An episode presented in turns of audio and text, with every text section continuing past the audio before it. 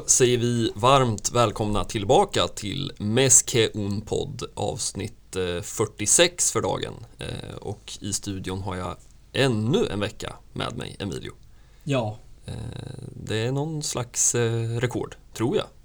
Eller? Det, det kan det nog vara, ja, fyra veckor på rad. Är, jag kan inte minnas tillbaka att vi har någonsin varit i sån otrolig form. Nej, och det är, vi, det är vi glada för. Ja. Ehm, och eh, Barcelona har väl delvis eh, varit i, i, lika bra form som, som vi. Eh, även om det har varit lite upp och ner veckan som gått. Mm. Eh, och vi ska väl, eh, den ena matchen var ju roligare än den andra men, men vi ska väl ändå eh, snabbt avverka eh, Europa League-matchen mot Galatasaray. Ja, Som vi ju snackade upp en hel del. Ja, det gjorde vi. Och vi får väl som du säger ställa av det lite tråkigare segment kanske ja. för den här veckan. Stanna kvar eller spola förbi. Ja, precis. Eh, ni har blivit varnade. eh, nej, men eh, ja, Galatasaray hemma och vi sa väl på förhand att det inte ska bli något annat än en seger mm. även om eh, eh vi förutspådde en del rotationer. Mm. Eh, vilket också så blev fallet. Ja, det får man ändå säga.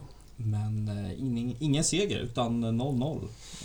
Galatasaray blir en tuff nöt att knäcka. Alltså. Ja, det får man ändå säga och jag tyckte ändå inte att de var eh, Ja, alltså de gjorde väl en fullgod insats utifrån sina förutsättningar men med det sagt så tyckte jag det var ganska tydligt att man kunde se att det här är ett lag som faktiskt inte är med och fightas i, i den turkiska ligatoppen i alla fall. Eh, ganska klara brister på, på många positioner. Men med det sagt också ett Barca som inte Ja, jag vet inte. Xavi pratar ju mycket om det där att inte sänka tempot och inte sänka garden. Eh, och det var väl lite det som var känslan att man gjorde redan från, från start. Att det var inte riktigt den där intensiteten som man, som man har sett eh, de senaste veckorna får man väl ändå prata om eh, vid det här laget.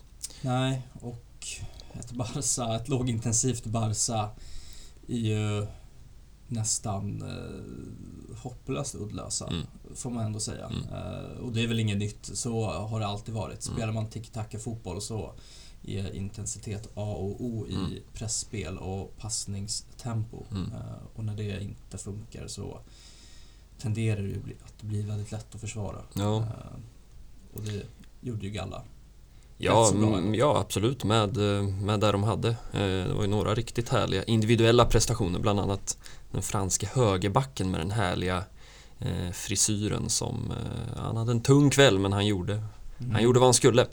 Ehm, men några, eller i alla fall två tyckte jag besked sådär på förhand som man funderade på när älvorna släpptes.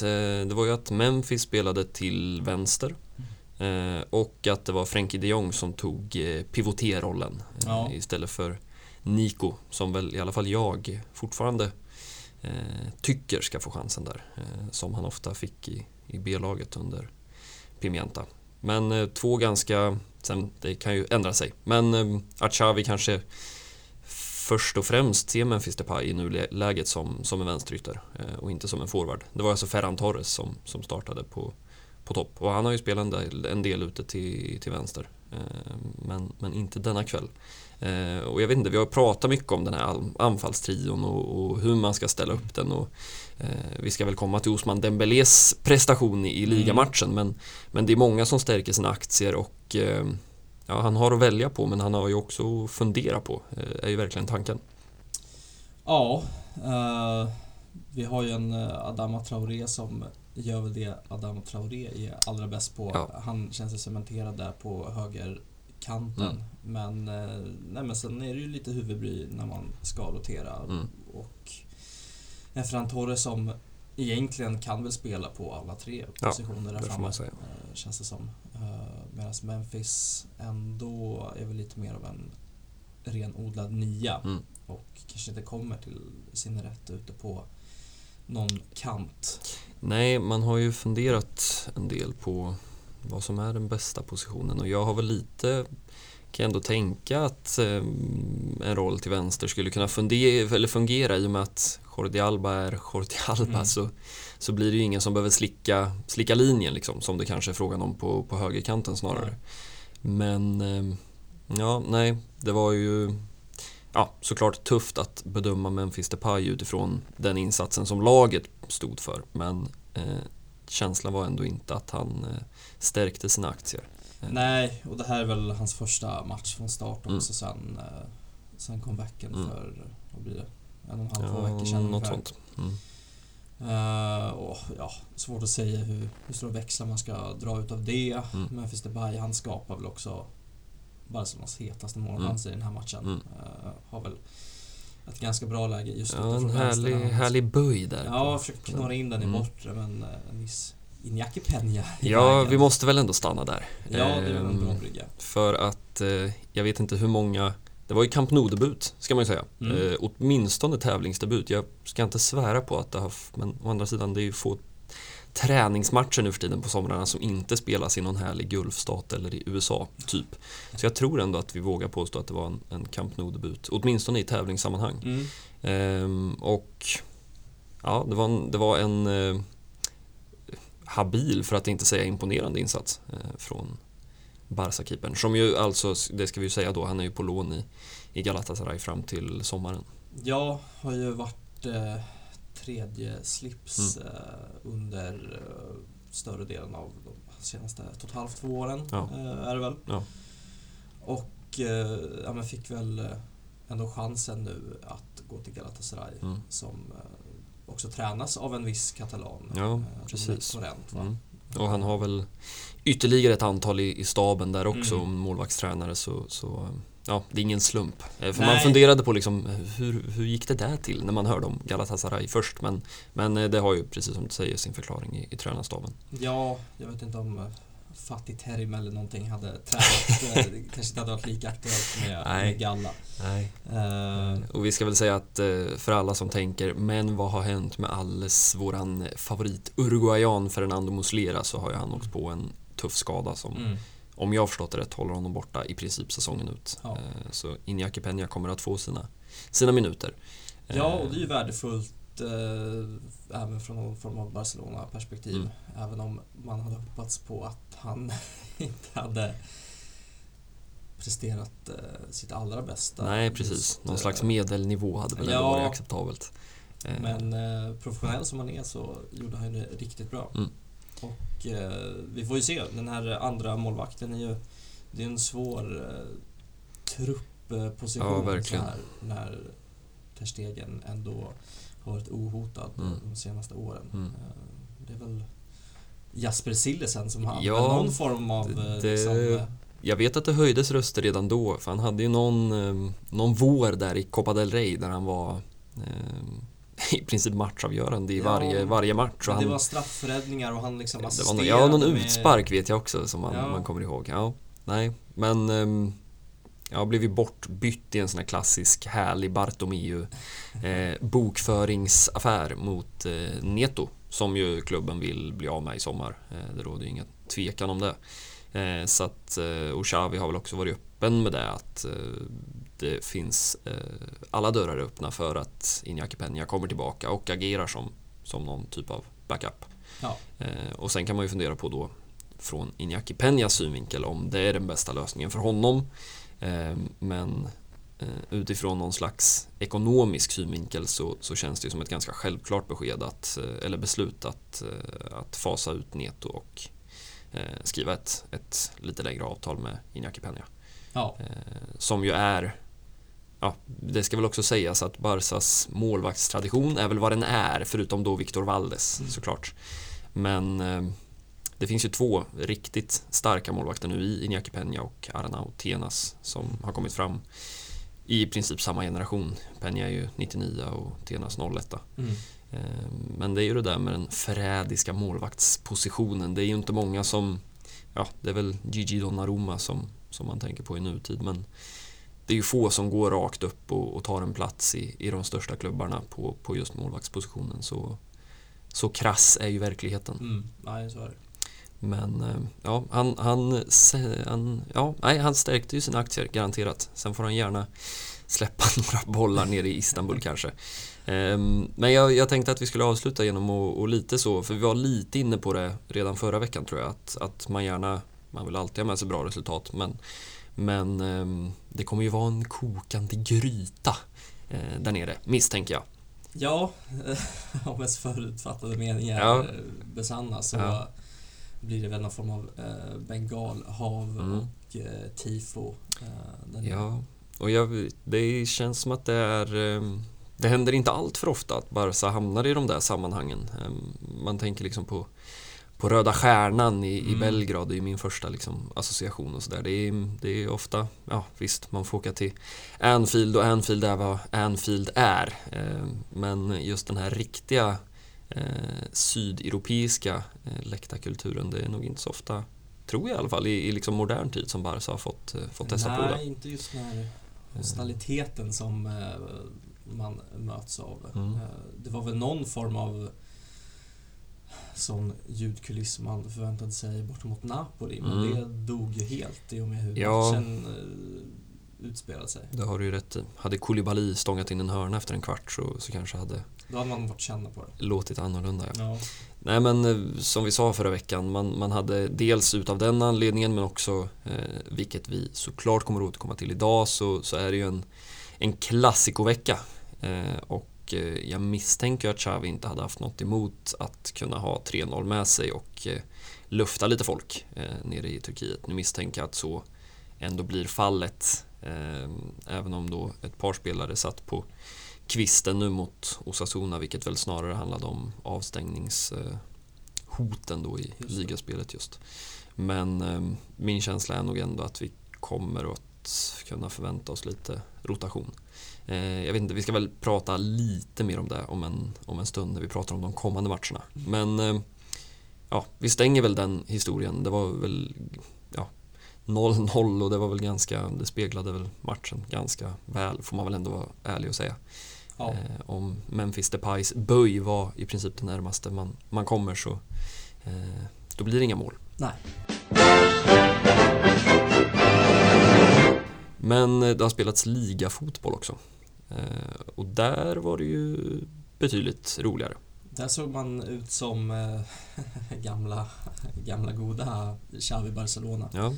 Eh, som man har fått bekanta sig med under februari månad mm. främst. Ja.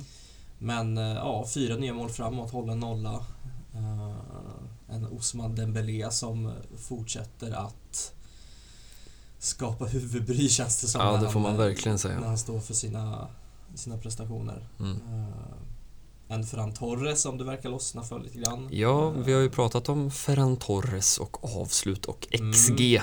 Mm, jag noterade också de här härliga i repriserna. De har ju mycket sånt där för sig, La Liga-produktionerna. Att de ska eh, det var väl ett tag när de skulle ha den här, man, man såg liksom händelserna utifrån spelarens synvinkel ibland ja, på repriserna.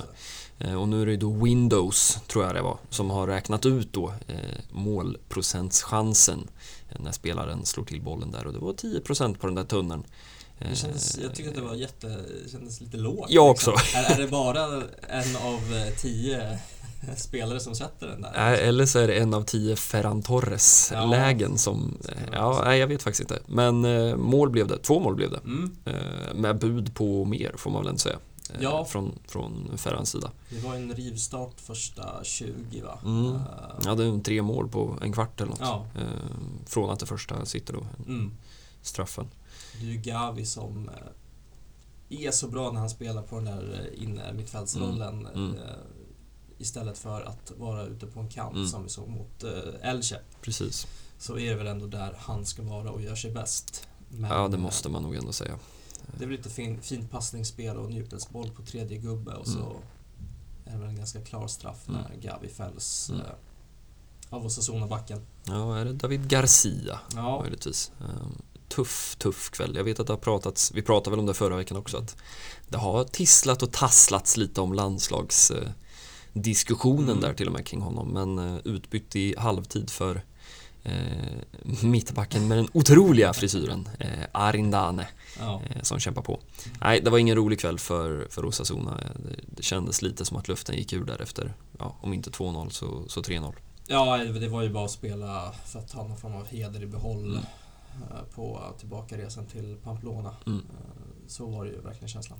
Men samtidigt en, eh, ja, det är alltid det här, vi, har väl, vi, är väl nästan, vi hamnar väl nästan alltid här men är det ett, en svag insats av ett förlorande lag eller en stark insats av ett vinnande lag och det känns alltid som att vi kommer fram till att det är någon slags kombination.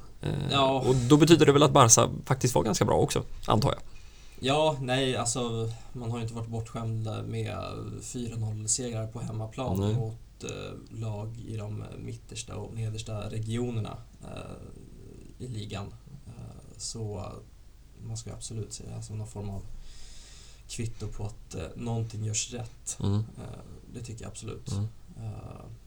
Och ja, nej, men intressant. Ferran Torres verkar ju vara straffskytt nummer uno. Ja, för det finns ju ändå en Pierre-Emerick Aubameyang på banan där och då. Ja. Som väl känns som den kanske främsta främsta alternativet. Ja, verkligen. Jag är lite förvånad över att Piqué inte har eh, tagit chansen. Det känns som att det har eh, att, att eh, mattan har varit öppen för honom. Ja. Men, eh, ja, det kanske ja, finns någon typ av ödmjukhet i den där Twitter-tourettsiga katalanen. Det hade varit straffspark i 85 med 3-0 på resultattavlan ja. så hade han nog... Ja, då hade han, då hade han kunnat tänka sig. Ja, absolut. Uh, nej, men uh, en fin uh, insats. Mm.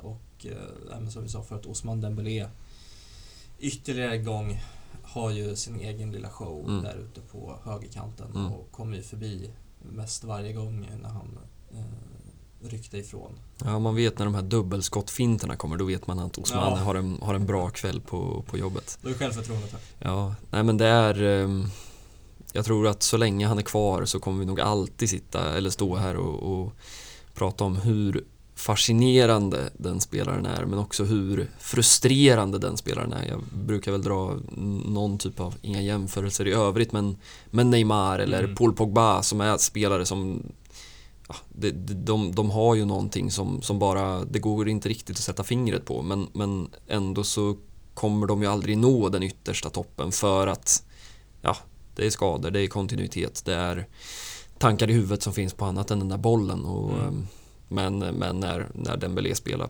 på den nivån som han gör igår så... Ja, alltså, alltså skulle han ha liksom...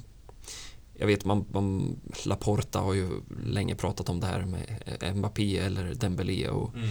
Eh, jag är väl inte helt emot, nu, nu framstår ju de uttalandena som ganska patetiska så här några år senare, men, men eh, rent liksom, jag vet inte vad man ska kalla det, men, men rent vem som har någon typ av mest fotboll i sig så står jag fast vid att det är Osman Dembélé. Sen kommer ju Kylian Mbappé gå till historien som en av de förmodligen bästa spelarna eh, åtminstone på, på liksom någon typ av 2000-tal. Ja. Medan Osman Dembélé förmodligen kommer att falla i glömska om 20 år. Mm. Men eh, ja, jag vet inte. Det kanske också är ett bevis på att eh, man inte behöver ha den mest naturliga begåvningen för att eh, faktiskt eh, skriva in sig i historieböckerna. Även om Kylian Mbappé är en hyfsat begåvad fotbollsspelare ja, också, får man väl ändå säga.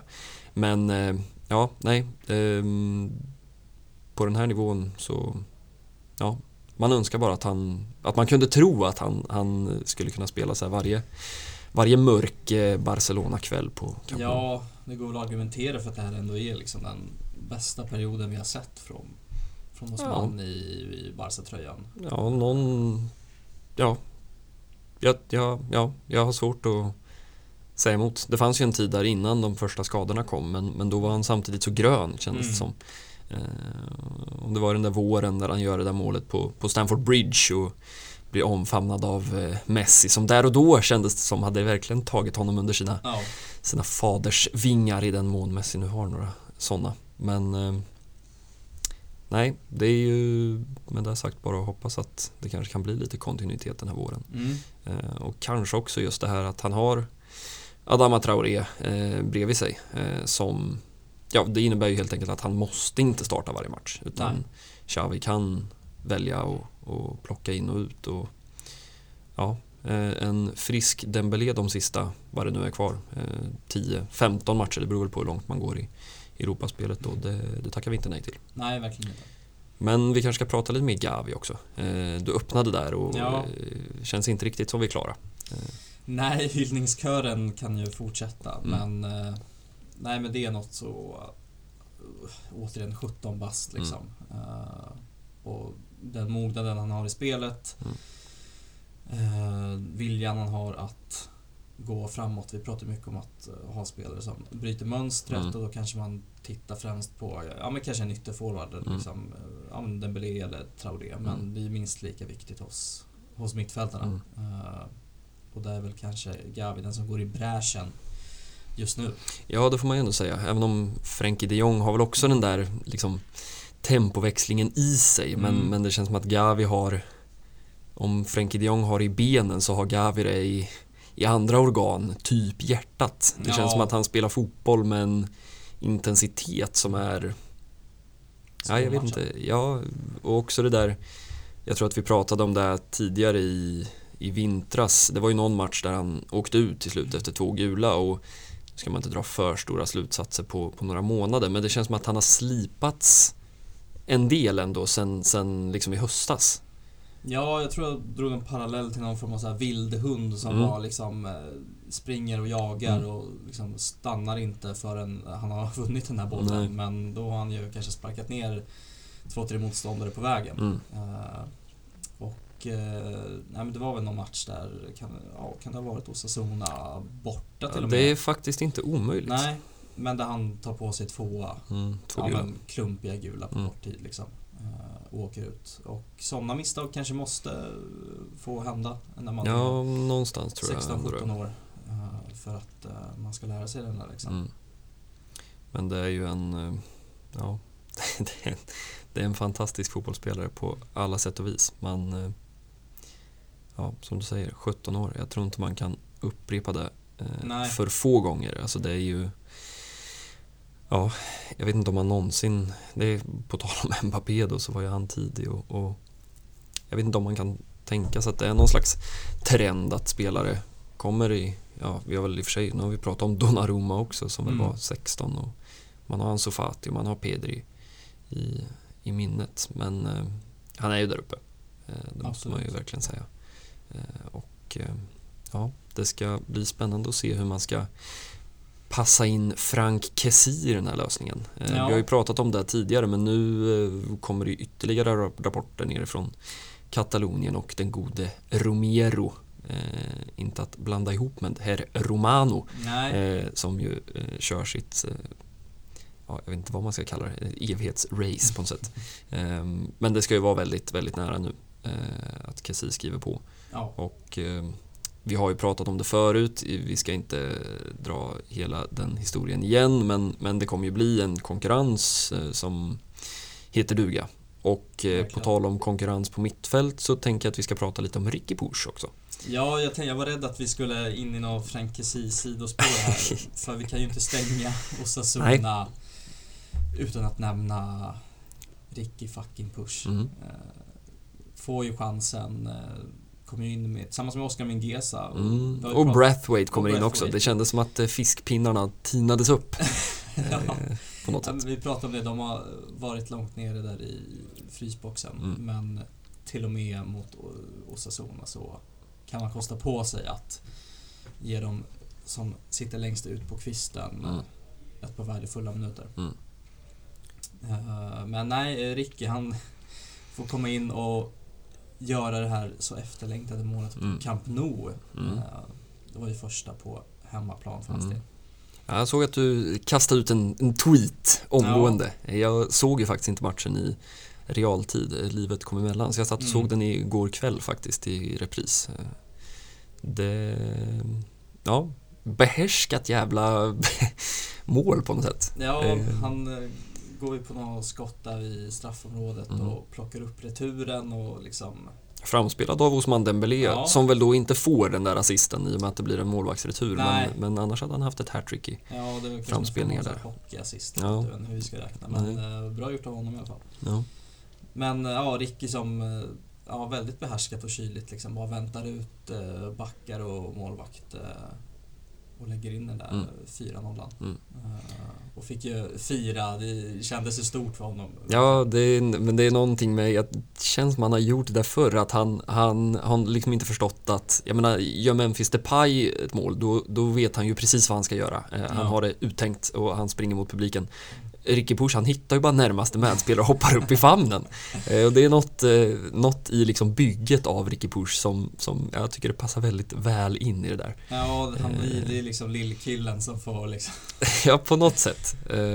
Och det är väl därför man någonstans ändå fortfarande känner mycket för den där diamanten på mittfältet även om kanske då tiden håller på att rinna ut eller snarare den har liksom runnit ut. Den ja. har hunnit rinna ut. Ehm, men man kan väl ändå prata om sådana där mål som jag vet inte, ibland känns det som att man lite överskattar betydelsen av sådana där grejer men samtidigt så tror jag inte heller att man ska underskatta dem.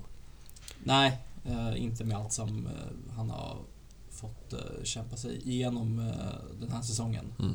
Och även ja, föregående säsong ska vi också säga. Ja. och nej, men med största sannolikhet så blir det väl ingen fortsatt Barca-karriär för en goda Ricky. Nej, man har ju... Sen är det ju lite av en...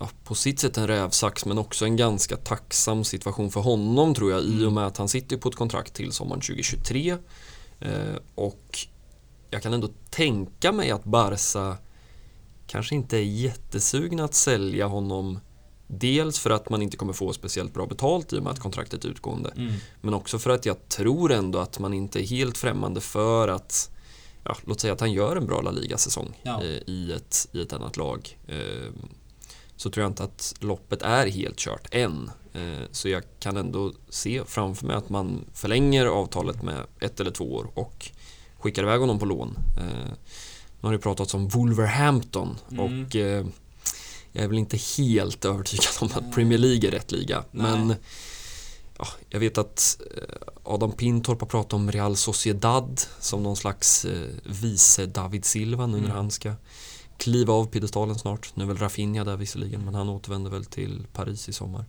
Ehm, men samtidigt så känns det lite som att hade det varit för ett år sedan så tror jag han kunde ha valt i princip alla ja. klubbar i, i La Liga som, ja, som inte är Real och Atletico uppenbarligen. Kanske Sevilla också. Mm. Men eh, som det ser ut idag så vet jag inte riktigt vem som är redo att, om man tänker La Liga, jag, jag, tänker liksom Celta de Vigo eh, kommer ju upp ja, snabbt. Något, eh. någon drömdestination hade väl varit några lag i stil med liksom Villarreal mm. eller kanske Real Betis med mm. tanke på den fotboll de spelar. Mm. Men så tittar man på de mittfälten och så är det Sergio Canales, Nabil ja. Fekir, Giovanni Lo Celso. Ja, det, det är, där är han inte. Nej, det är liksom ett eh, hack upp mm. som är för stort och då är som säger, ja, Celta Vigo är ju en, är ju en uh, habil klubb mm. då, även om de har sina årliga svackor. Som... Ja, och jag funderar på vad som ska hända den dagen Iago Aspas inte är gnällig, tjurig och en förjävligt bra målskytt längre. Ja. Då eh, känns det som att det kan bli, kan bli tungt. Eh, men ett mittfält med Ricky Pucho, Denis Suarez hade väl varit ganska talande för, för den här mittfältstypen som man väldigt gärna vill se i Barcelona. Eh, även om det kanske inte alltid räcker hela vägen. Ehm, men med det sagt så ska man ju vara, det är ju så viktigt det där med utlåningar och mm. Eh, nu har ju inte Barca varit en klubb som Eh, ja, de här värsta Serie A-klubbarna som väl har 150 spelare kontrakterade. Riktigt mm. så har det inte varit. Nej. Ehm, men man, jag tänker främst på Rafinha som, som ju lånades ut till Celta Vigo mm. Eh, och då är vi väl tillbaka 2014, 2015 ja. någonstans. Eh, och som gör en jätte, jättefin säsong och sen kommer tillbaka och nu vet jag inte hur många matcher han har i Barca-tröjan men, men han har ju ändå varit där. Ja. Jag menar, han var ju någon slags wingback i Luis Enriques det här 3-4-3-våren eh, när Jordi Alba satt på kvisten ja. för övrigt och man startade Jeremy Mathieu som mm. någon slags vänster mittback. Eh, andra tider. Ja. Men med det sagt, det gäller ju att hitta rätt lånedestinationer till spelare och det är inte så jäkla lätt. Nej, verkligen inte och nu när man tänker efter så Premier League känns ju svårt men... Eh, ja, och om vi är där igen, liksom att det är inte de klubbarna man tänker de som ändå är betydligt mer spelförande, alltså till exempel ett Wolverhampton för all ja. del, eller Leicester eller Aston Villa, men, mm. men jag, jag, tror inte att eh, det är den hyllan riktigt han kan välja på just Nej. nu. Eh, tysk fotboll har jag också tänkt. Eh, men ja, nej, det återstår att se helt enkelt. Men mm, eh, jag tänker på en sån som Alex Collado som, eh, som ju är på lån i Granada under våren och de sparkade ju tränaren Robert Moreno här och mm. Ska tydligen inte ha fått ett enda hejdå på sociala medier av en enda spelare, läste jag. Jag vet inte om det betyder någonting. Men det ska ju tydligen ha varit ganska skakigt. Ja. Och det bevisar väl återigen. Sen har ju Collado fått spela en hel del. Men ja, det är ju alltid en osäkerhet där i att skicka en spelare till en annan klubb, en annan miljö. Mm. Men ja, det man kan säga är väl att det är ju det som kommer hända. Ja. Eh, hur man än vrider och vänder på det. Jag har svårt att se eh, Frank Kessi eller ingen Frank Kessi så känns det som att det är dags för Ricky Push att ja, röra på sig. Visst kan han väl försöka på någon sån här lex Sergio Roberto och liksom mm. Tvinga sig kvar ja, på något sätt. Han, bara... får, han får glidtackla in en boll på, på Camp Nou mot, i någon CL-kvartsen. Ja.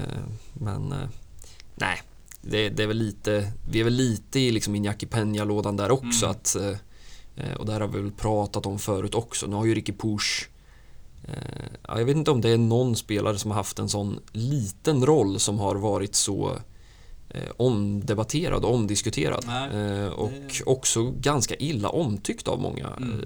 egna supportrar, är min upplevelse i alla fall, om man utgår ifrån sociala medier. Ja. Um, men, men just det här, jag tror att vi har pratat om det här förut, men man, man ser liksom La Masia-spelare som inte lyckas i Barcelona som ett misslyckande. Mm.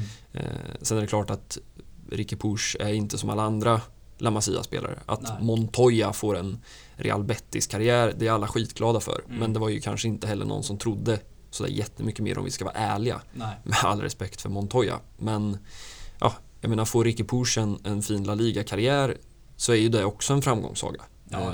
Att Denis Suarez har den karriären han har.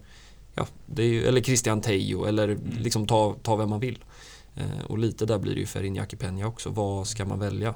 Eh, ska man välja att stå i Copa del Rey i några vårar framöver eller ska mm. man satsa på det ryktades ju om La Liga-lag redan i, i januari. Jag kan mm. tänka mig att inte heller där kan man välja från högsta hyllan men ja, som målvakt kan det nästan vara tacksamt att och ta ett lite sämre lag, mm. få jobba lite. Ja, eh, så att man inte står som Ter Stegen och blir förvånad när skotten börjar vina sen. Nej, man ska inte vara alltför sysslolös. Eh, Nej, men eh, vi lär väl återkomma till Ricky Push, vi lär väl återkomma till transfermarknaden. Det, vi väntar ju bara nu på ja. Kristensen och eh, Masraoui ryktas ju också vara var väldigt nära. Och, skriva på nu. Och så ja. har vi ju Aspilicueta som väl kanske sitter fast i någon slags Roman Abramovic-klor här då. Men, eh, Precis, ja. det ska ju vara så pass nära att man i princip bara väntar på någon form av eh, officiell tweet som mm. ska förkunna det hela. Liksom. Mm. Ja, det lär, eh, vi lär återkomma till saken. Mm. Det pratas ju också om en Leo Messi nu efter uttåget. Föga förvånande. De blev väl utbuade, både han och Neymar i, kvällen, eller i kvällens, i helgens möte med Bordeaux och Anel Ahmedhodzic. Ja. Eh, jag ska villigt erkänna att jag inte såg matchen så jag vet inte hur han hade det men de eh, hängde väl tre kassar till slut tror jag. Så att, eh, ja, vi lär väl återkomma till den gode Messi också framöver på gott och ont tänkte jag säga. Mest mm. på gott kanske. Men om vi ska bege oss in i någon typ av eh, ganska närliggande framtid ändå så ska det ju spelas fotboll på ryss avsparkstid eh, på torsdag. Ja. Har jag noterat till ja. Emilios stora besvikelse. Ja, någon sån här 18, vad är det, 1845? 1845. Avspark. Mm. Eh, nej men det, det är väl vad det är. Ja. Eh, men en viktig match eh, kommer det att bli. Mm. Man får väl också beräkna nu, solen går ju ner lite tidigare där nere. Mm. För man börjar också bli orolig för den här 18.45. Man tänker då är det mörkt. Men sen inser man fasen, det är knappt, knappt elljusmatch nere i Istanbul. Eh, men eh, ja, vi ska inte prata ihjäl den här matchen. Ehm, för vi känns redan som att vi har pratat lite om den när vi pratade om den förra matchen. Mm. Ehm, men eh, någonstans så kan man väl ändå spekulera i huruvida Xavi ska lägga upp det här Eh, för det är en bortamatch en torsdag och då kanske i och för sig rysstiden är ganska snäll. Mm. Ju, ju, snabbare man kan lämna Turkiet ja. desto bättre. Eh, men visserligen söndag kväll då i, i Madrid. Men det är inga jättemarginaler. Nej, nej men som du säger, den här matchen överskuggas ju av det kommande klassikot. Mm. Uh, och det är väl med det man får, man får ju ha det i beaktning när man tänker på uh, ja, men vilka spelare som kommer få chansen. Mm. Uh, och det är väl, ja, som vi nämnde i, när vi sammanfattade första holmgången lagen emellan så kommer det väl bli något liknande även i returmötet. Ja, men det ska ändå bli just i och med att han roterade som han gjorde nu mot Osasuna han hade ju inte så mycket val. Han lämnade ju Frenkie de Jong mm. och Araujo helt utanför i och med att de båda stod på fyra kort. Eh, men då blir frågan hur matchar han nu då? Eh, ska han spela Frenkie i 90 minuter? Mm. Eh, ska han spela, ja, Araujo känns väl mer solklar i så fall. Jag kan tänka mig att det blir Araujo och Garcia. Ja. Att man vilar Piqué. Man har en sån som Jordi Alba Eh, ska man spela honom? Eh, han har ju spelat i princip varenda minut känns det som. Eh, det blir väl en dest på högerbacken såklart i och med att Dani Alves inte, inte får spela. Ja, det är väl det som talar för att Alba ändå får ställa Ja, om man då inte... Men det är det jag menar, liksom, ska han ställa ut... För han skulle ju kunna ställa ut, liksom, han skulle kunna spela Mingesa som mm. högerback, spela Dest som vänsterback eh, liksom spela Brathwaite eller Luke de Jong på topp. Ja. Eh, men det blir väl lite, ja, jag vet inte. Det känns inte som man har riktigt fått frågan än hur jag är väldigt eh, sugen på att få veta det. Sen har han väl något kryptiskt svar i och med att Sevilla är Europa League-favoriter. Ja. Men hur mycket värderar man Europa League? Eh, för vi har ju fortfarande ja, jag menar man ska inte ta en Champions League-plats i ligaspelet för givet och jag menar man, man ja, vi vill väl ta rygg på liksom Sevilla om inte annat. Mm. Ehm, så jag uppmanar alla katalanska journalister som, som lyssnar nu att eh, fan, fram med frågorna på presskonferensen. Ehm, jag vet faktiskt inte om de reser, reser de redan i, idag kanske. Ja. Ehm, möjligtvis. Men rotation kommer det väl bli, är väl ändå känslan. Ja, och vi kanske får svar på just eh, de här frågorna när vi ser eh, en startelva på torsdag. Mm. Att hur mycket går man egentligen för att eh, gå vidare här mm. när man har en så mycket viktigare match bara tre och en halv dag bort, Ja, liksom. nej men precis. Om man tänker, eller din man, i, någonting i mig har ju tänkt att eh, man är ett steg, man är ju liksom ett steg längre bak också i och med att man har, det är ju bara en åttondel det här. Mm. Eh, och det är klart, ska man gå hela vägen, ja då har du ytterligare ja, fyra matcher till innan man har en final. Ja. Och det är klart eh, att få in dem i veckorna, hur man än vrider och vänder på det så sen är det klart att jag menar, en som bredd som finns i truppen just nu och den kvaliteten ska ju kunna klara av att spela den.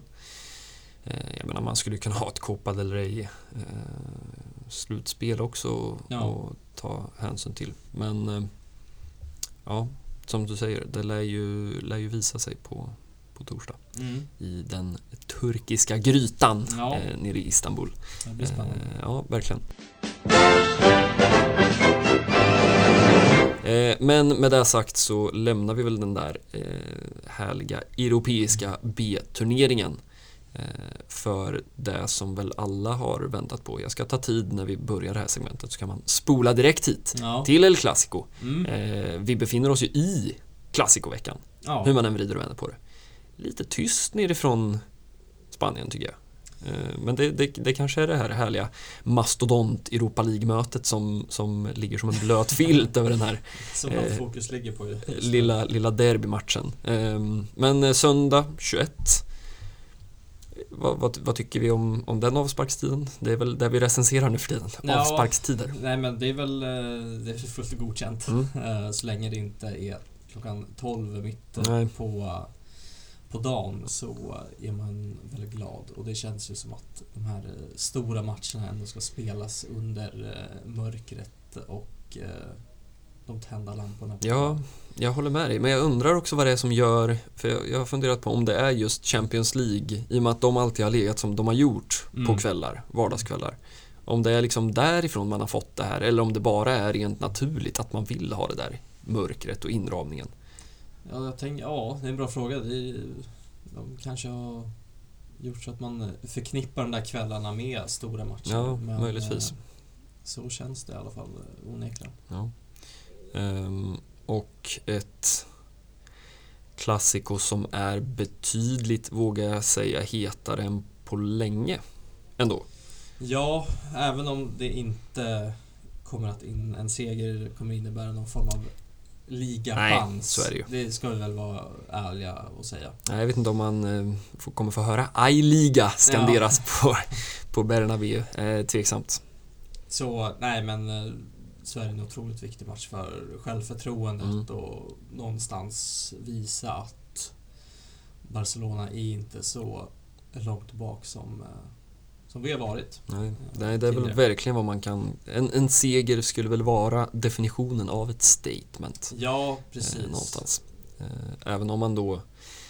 Jag vet att vi pratade om det redan när den där Supercups-semin spelades att ja, känslan är att man inte var så långt ifrån där och då heller. Eh, men att eh, det kanske snarare handlade där och då om att Real Madrid hade varit matchvinnartyperna. Eh, och är det något Real Madrid alltid har haft så, så är det väl de där matchvinnartyperna. Karim Benzema, två nya mål igår.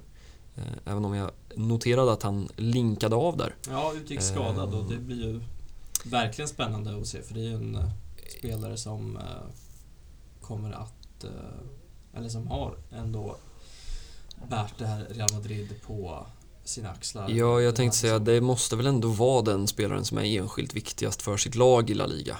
Eh, man har alltid Aspas i ja. Celta att gå tillbaka på men, men annars vet det katten alltså. Nej, ska man dela ut någon MVP eh, den här säsongen så här långt så måste väl den gå till mm. Karim Benzema. Mm. Som för övrigt hyllades av vår egna Dani Alves. Ja, noterade det. Eh, noterade också att han var tvungen att liksom lägga till brasklappen att jag vet att han spelar i Real Madrid. Ja. Men han är duktig på fotboll ändå och eh, ja, det är väl svårt att säga emot det. Ja. Eh, men om vi ska stanna lite, en liten stund till vid motståndarna så kan man väl säga att de kommer ju in till det här mötet med en lite annan approach än vad man tänkte sig innan den där vändningen mot PSG. Ja. På tal om liksom statement-seger. Ja, de är väl... Eh, chanslösa är tufft, men eh, de ser ut att åka ut i 150 av de där 180 minuterna ja. eh, i det dubbelmötet. Mm. Men eh, så får de till en, en vändning. Ja, och vi landar på något ofattbart sätt för tredje gången på 45 minuter i Donnarumma. Ja. Eh, jag vet inte, han återkommer idag. Ja, eh, frispark eller inte. Dåligt ingripande av Donnarumma. Jag fastnade också där i, i det där att eh, Pochettino var väl så väldigt upprörd och eh, Nasser var väl nere i omklädningsrummet och vevade och skulle hitta domare och Leonardo, sportchefen, det känns som han alltid är där och, och eh, tisslar och tasslar. Jag ja. ser liksom honom smyga bakom eh, Nasser som någon slags eh, Uh, nej, jag vet inte. Det, det, är ju inte stabilitet uh, där nere i Paris just nu. Um, men Pochettino var ju så väldigt upprörd över det där beslutet och uh, jag satt snarare och tänkte att du kanske borde kritisera din målvakt istället för ja. att, ja, som sagt, frispark eller inte så är det ju en in, inget annat än en tavla får man väl säga. och det är väl där det vänder. Ja. Så. Och Real Madrid har ju någon särskild förmåga att plocka fram det där när det, när det gäller som mest. Ja, och den är svår att sätta fingret på, men ja. det, det, är väl någon slags... Eh... Sitter det i väggarna? ja, det är, ju, det är ju ett uttryck som vi inte behöver höra så många gånger igen, men, men det är ju också ett uttryck som, ja, det, det, är ju det är väl den närmaste förklaringen man, man kommer. Eh, jag menar, har Barca liksom spelsättet i sin identitet så har väl Real Madrid vinsterna i sin identitet ja. på något sätt. Ja. Eh, hur blasé det än må låta. Mm. Eh, och visst hänger Benzema tre bollar på, på Paris på... Ja, det gick ju fort. Jag tror 17 eh, minuter. Ja. Då kan man väl ytterligare fästa eh, känslan i, i väggarna. Mm. Um, men jag vet inte, vi ska inte recensera hela eh, Real Madrids säsong men känslan har väl varit ganska länge att så imponerande har det inte varit. Eh, det har väl snarare handlat om att den största konkurrenten har hetat Sevilla eh, än att Real Madrid har sprungit iväg. Det kommer inte bli några hundra poäng. Eh, oavsett. Och visst, man kan ju också då tänka att eh, det kommer det inte bli för att de inte behöver det. Eh, det är klart, hade de haft Barca hack i häl så, så blir det väl så att man triggar varandra. Fråga Pep och Mourinho. Mm. Men eh, jag vet inte, man, man har ändå inte, eller jag, jag kan bara tala för mig själv, men de klassiska matcher man har gått in i så har man inte känt, man har känt sig underlägsen men det har inte varit på en nivå som har varit eh, ohållbar ändå. Nej, det, så, så är det ju. Uh, och, uh, nej, då kommer ihåg på Supercupen uh, senast så mm. var det någon form av så här ungdomlig entusiasm som, ja. som lyfte det här Barcelona. Mm. och, en Ansu Fati, det känns ja. som en, en livstid sen. Ja, verkligen. Men, som jag läste för övrigt ska vara aktuell för Sevilla i början mm. av april. Men då, det får vi kanske ta med en nypa salt. Ja, och också ja, oavsett vilka nypor vi ska ta så mm. tycker jag nog att man från Barcelonas håll ska eh, ta det väldigt lugnt. Eh, det känns... Eh, det, du har väl till och med pratat om att man borde vänta ut hela säsongen eh, förut, vill jag minnas. Och ja. Eh, jag, jag, ja, jag vet inte om jag vill sträcka mig så långt, men jag säger att låt det ta den tid det tar. Eh, ja, nej det behövs det... ju verkligen ingen stress och man ligamässigt har man någon form av kontroll på, mm. på läget mm. uh, inför den här väldigt avgörande veckan. Mm.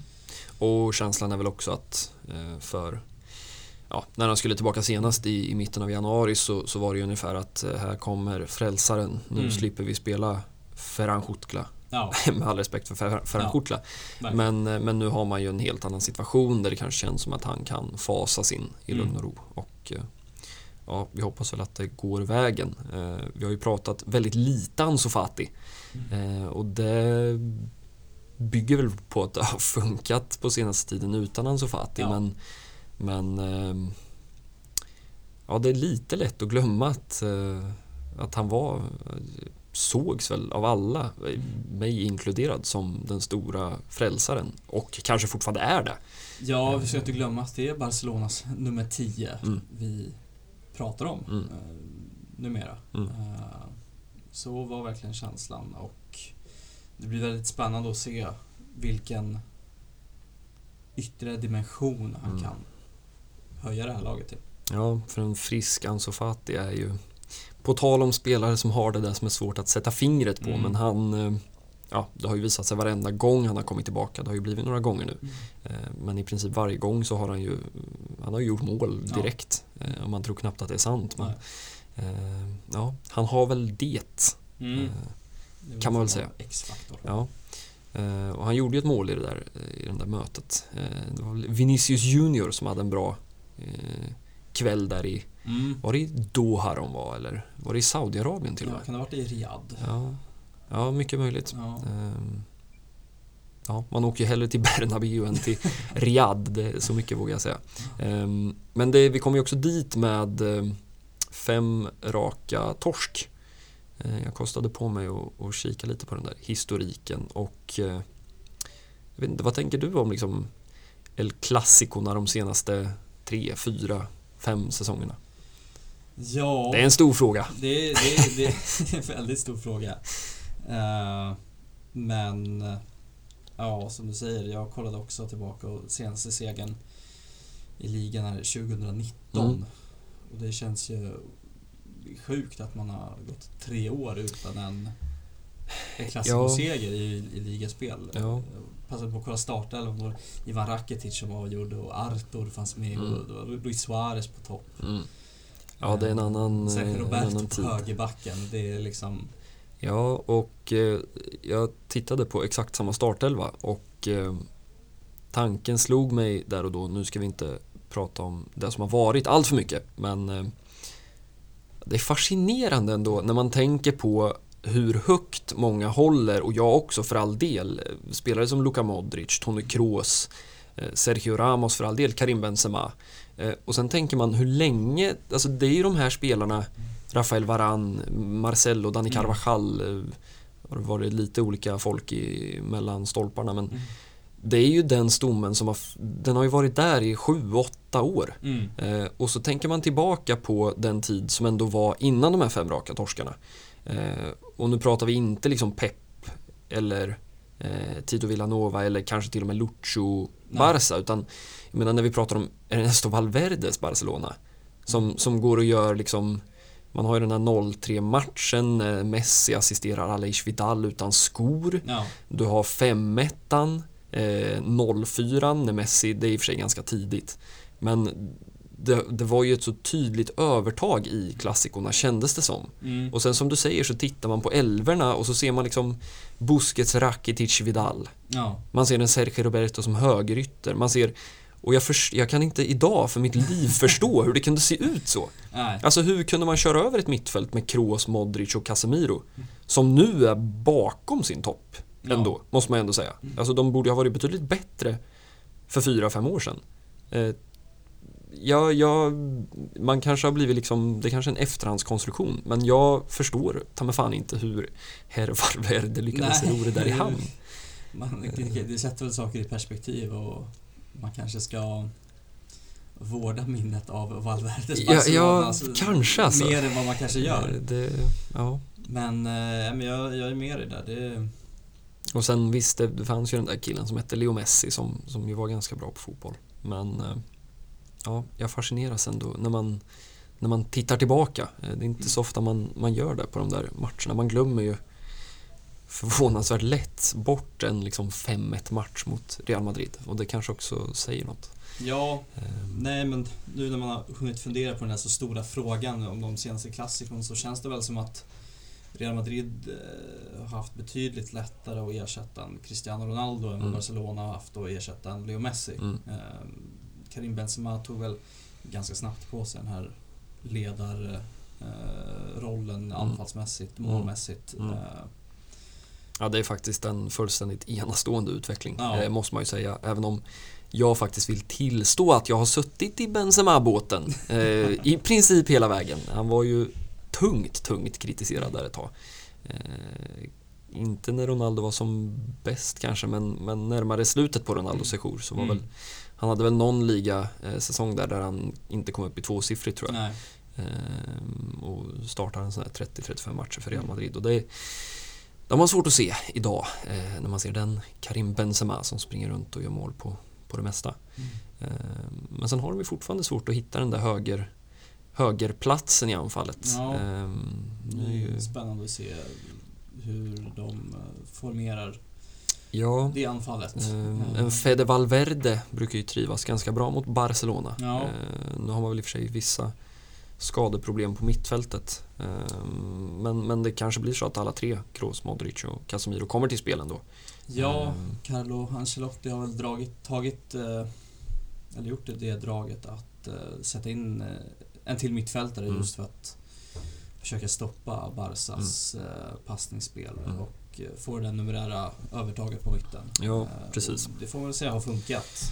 Eh, Även om jag tror att det är ett annorlunda Barcelona vi får se nu. Det är ett Barca som är tryggare i spelet, eh, Mm. i rollfördelningen och i slutet så har man ju ändå spelare av högre kvalitet Mm. än vad man har haft under de senaste ett och ett halvt, två åren. Ja, verkligen.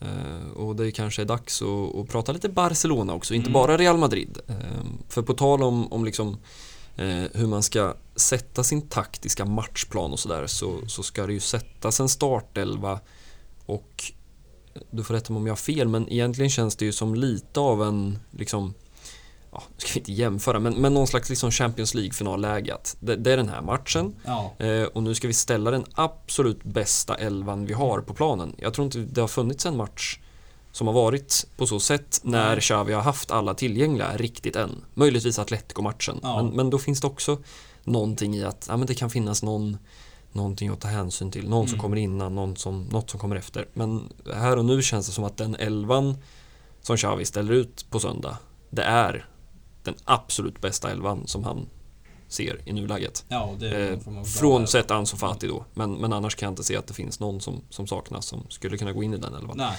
Samuel Umtiti känns, eh, känns som en bit kvar. det är Eh, långt kvar. men med det sagt så, så är ju frågan hur, det, det finns ju ändå ganska många positioner, vågar jag säga, där det finns frågetecken. Ja, jag tänker ändå att försvaret är väl på något Känns sätt ganska klart. Ganska självklart mm. med eh, Alves och Alba på kanten mm. och så Pikera och i mitten. Ja. Men mittfältet och just anfallet finns det väl kanske, ja jag vet inte hur man ska formulera ett anfall. Det är väl en Osman Dembélé på en kant, Ferran mm. Torres på den andra och Sen får man väl säga att Aubameyang får jag skulle, Det är den trion jag skulle sätta på banan också. Ja. Ehm, men när du säger det så har du också satt dig själv i ett läge där du måste välja mellan de här mm. fyra mittfältsmusketörerna. Eh, och då pratar vi inte om Ricky Puch. Nej. Uh, backar vi till Galatasaray hemma så tyckte jag, där startade ju inte Busquets. Mm. Uh, och jag tycker att när han kommer in sen i andra halvlek så visar han hur viktig han är mm. för att spelet från backlinjen uppåt ska, ska fungera. Mm. Uh, och det känns som att man står liksom år ut och år in. Jag vet inte när ska man säga att den riktiga Busquets-kritiken kom? Två, tre år sedan kanske? Ja. Benen är slut, benen är slut. Uh, men sen som du säger så, så spelar man Fränke där och, och med all respekt mm. till en fantastisk mittfältare så, så, är Sergio Busquets alltjämt Sergio Busquets på ett sätt som ingen annan är Sergio Busquets Nej, på den där eh, defensiva mittfältsrollen. Han har ju visat sig vara, ja men kanske, inga övriga jämförelser, men lika oersättlig som en Leo Messi liksom mm. i ett anfallsspel. Mm. Uh, ja, han är väl Barcelonas Karim Benzema då, ja. uh, får man väl ändå säga. Jag, jag, tror ändå att det är en enskilt, med alla brister han faktiskt har i sitt mm. spel, det ska vi väl också vara tydliga med. En, en sån som Fede Valverde löper ju ganska många åttor runt Busquets nu för tiden. Ja. Ehm, men det är väl också något att, eh, och det har man väl sett i spanska landslaget framförallt, eh, att i ett fungerande lag, i ett fungerande bygge eh, så fungerar det fortfarande att ha Busquets ja. även om ja, han bjuder på en del felpass och framförallt en del jobbiga omställningar mm. när han inte hänger med längre. Men det är väl lite det priset man, man får betala. Men han känns ju given eh, inför söndagen. Ja.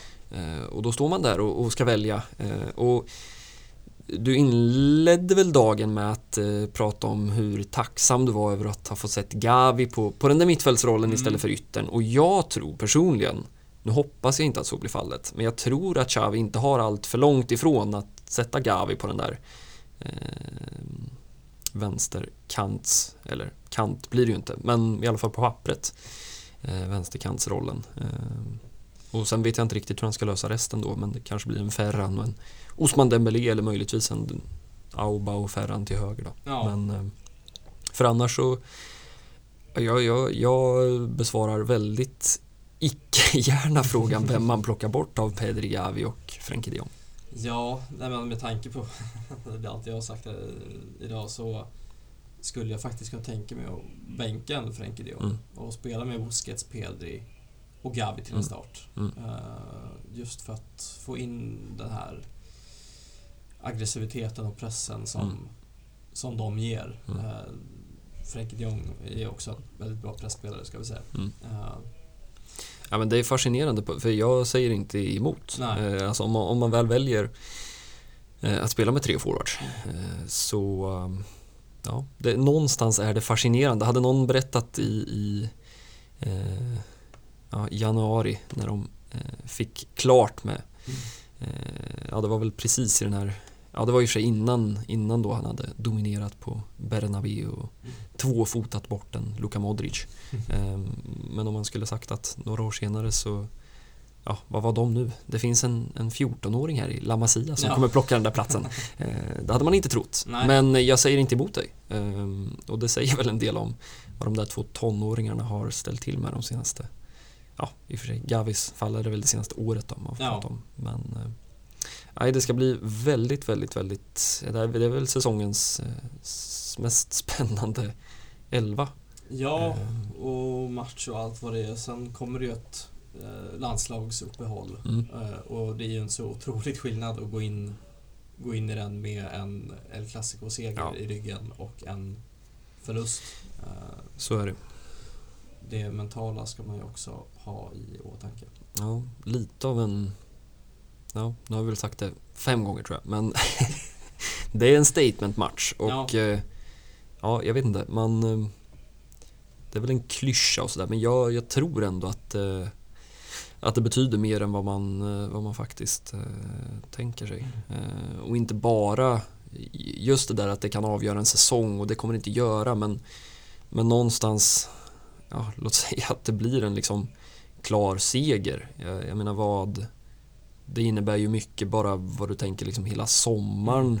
Eh, vad ger det för eko runt om i Europa? Det nu, för alla vet att Barca har gjort två bra månader nu. Mm. Eh, men kan man göra det på den absolut yttersta nivån som man väl ändå, ja det får man väl sätta Real nu då. Om, ja. de, om de kan vända liksom ett, ett um, Champions League-möte mot, mot PSG. Sen kanske de inte är på den yttersta, yttersta nivån där man kanske placerar Bayern München, Manchester City och Liverpool kanske. kanske. Ja. Men de är väl precis, precis där bakom. Ja. Eh, och eh, ja, jag, jag vågar säga att det är jag vet inte, jag vet inte vad, vad man har haft för viktiga matcher. Alltså, en sån här liksom eh, Benfica-match i Champions League-gruppspelet var ju viktigt ja. på, på, sitt sätt. Men, men just um, Ja, det känns som att det är en, en, en stor grej på gång. Ja, verkligen. Um, och det blir också spännande att se hur man ska, nu har vi pratat startelva, men, men rent eh,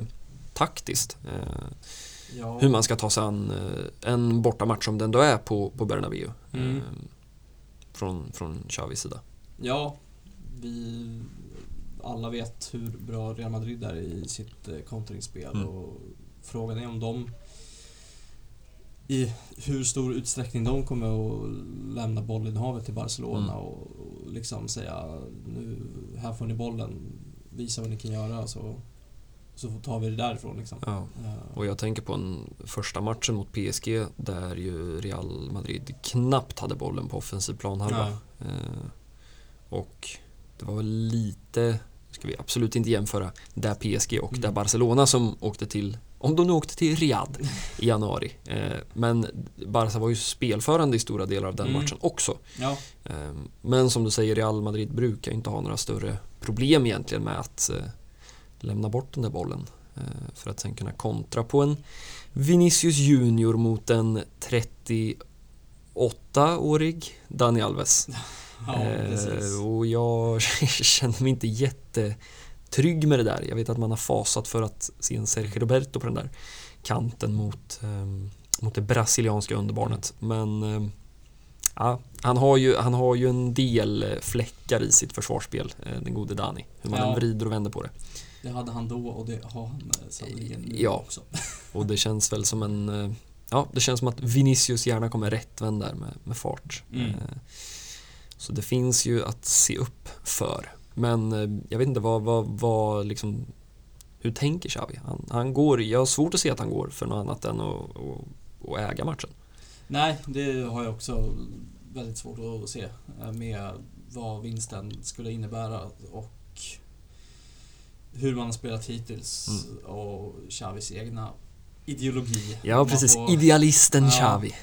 Så uh, kan jag inte tänka mig något annat än att uh, hans drömscenario eh, och mål är att inta Bernabéu och eh, vinna The Barcelona Away. Mm. Ja, man, har, man har ju svårt att se honom stå i omklädningsrummet nu på jag vet fan, hinner de träna matchförberedande? Mm. På lördagen möjligtvis. Ja. Grabbar, vi backar hem. känns, känns ganska långt ja, därifrån. Nej men det, det kommer ju inte hända. Vi, vi kommer ju få se ett Barcelona som går för bollen i havet Eh, och Ja, man har ju pressspelet nu också. Pressspelet. Vilket jag känner att vi kanske på något sätt inte pratat om tillräckligt mycket. Nej, um, den fick ju visa sig från sin allra bästa sida där borta mot Napoli när mm. man liksom vinner bollen vid nästan offensivt straffområde.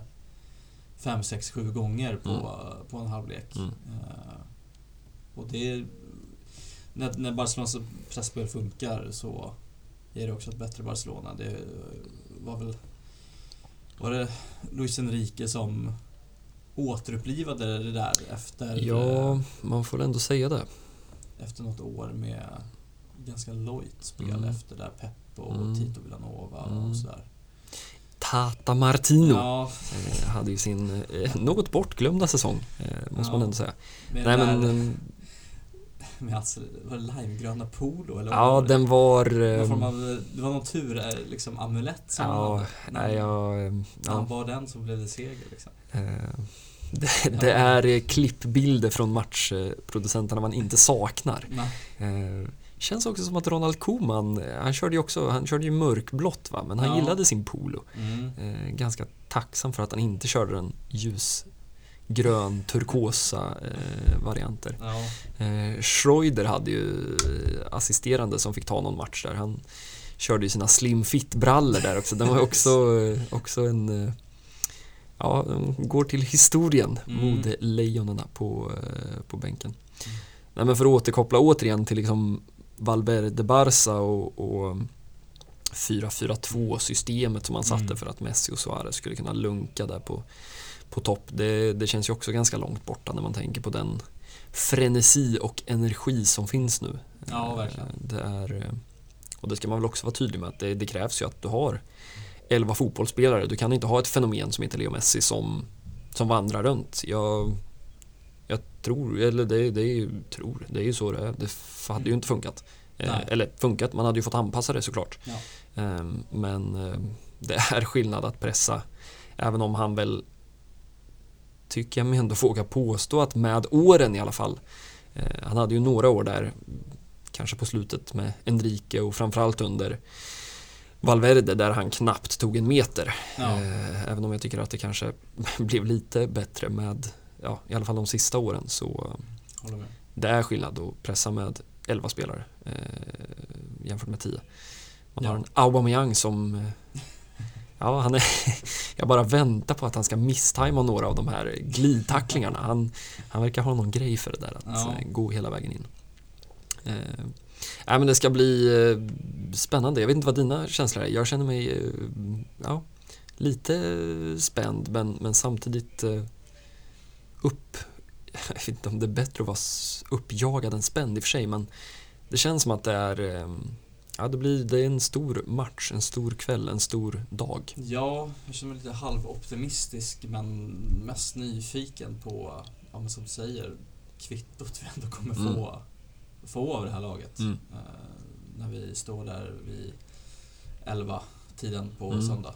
Uh, det ska bli otroligt spännande att se hur, ja. hur de tar sig an matchen och hur de genomför. Ja. Och visst, visst är det undertecknad som ska skriva en eh, matig matchrapport. Det stämmer. Den ser vi fram emot. Mm. Redan nu vågar ja. jag utlova den någonstans där. Håll på... utkik på sajt för en inför-rapport. Ja, just det. Men, ska vi inte glömma. Eh, på lördagen. Men eh, absolut, det ska bli otroligt roligt att verkligen sitta och verkligen analysera mm. Eh, matchen vi har framför oss. Ja, får hoppas att du inte jag vet, jag skrev ju 1-4 matchen mot PSG i Champions League. Ja. och man sitter och pilla lite under matchen och sen rann det iväg och så bara tog jag bort allt och skrev, skrev liksom i någon slags eh, raseri därefter. Mm. Eh, hoppas att du får en lätt penna på, på söndag, ja, som du säger där, framåt 11-snåret. Mm. Eh, ja, det hoppas jag också. Men eh, det ska väl, eh, är det någon jävla gång i den här poddens historia som det ska tippas, ja. då är det väl nu. Ja, Eh, och jag vet att jag tog ditt resultat, nu vet jag inte vilket men eh, förra veckan. Eh, så jag, ja. jag, jag överlämnar bollen till dig och, och inleda denna härliga sekvens. Ja, nej men som jag sa, lite halvoptimistisk och nyfiken. Jag landar väl i en 2-1 seger. Sen hur den ser ut, det, det vet fan jag vågar sia om. Men 2-1. Ja. Ja, men jag ska väl ändå ta tillbaka lite. Jag känner att jag har tappat lite min roll som pessimist eller som jag brukar kalla det, realist. Mm. Eh, jag säger väl 2-2 då. Mm. Eh, med någon form av mersmak. Eh, men det hade också, jag, ja, jag vet inte, jag har någonstans haft den där tanken i bakhuvudet att det blir liksom 0-4 och man känner att ah, men nu släcker vi den här säsongen istället. Ja. Men nej, Vi får hoppas att vi inte kommer till den punkten. Nej, precis. Vi får väl se om vi kommer tillbaka nästa vecka ja. i så fall. Det kanske blir det sista ni hör ifrån oss.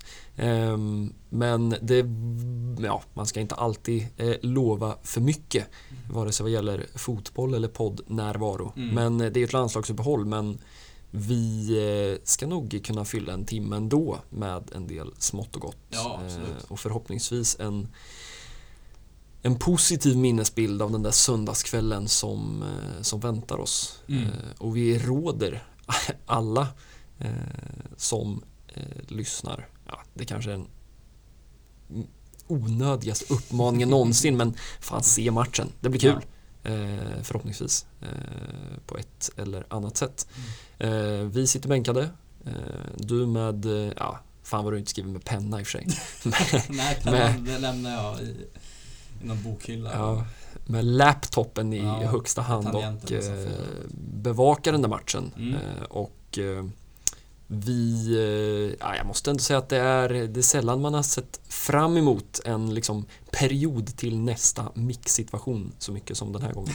Eh, men med det sagt så säger vi på återseende och eh, tja! Hejdå!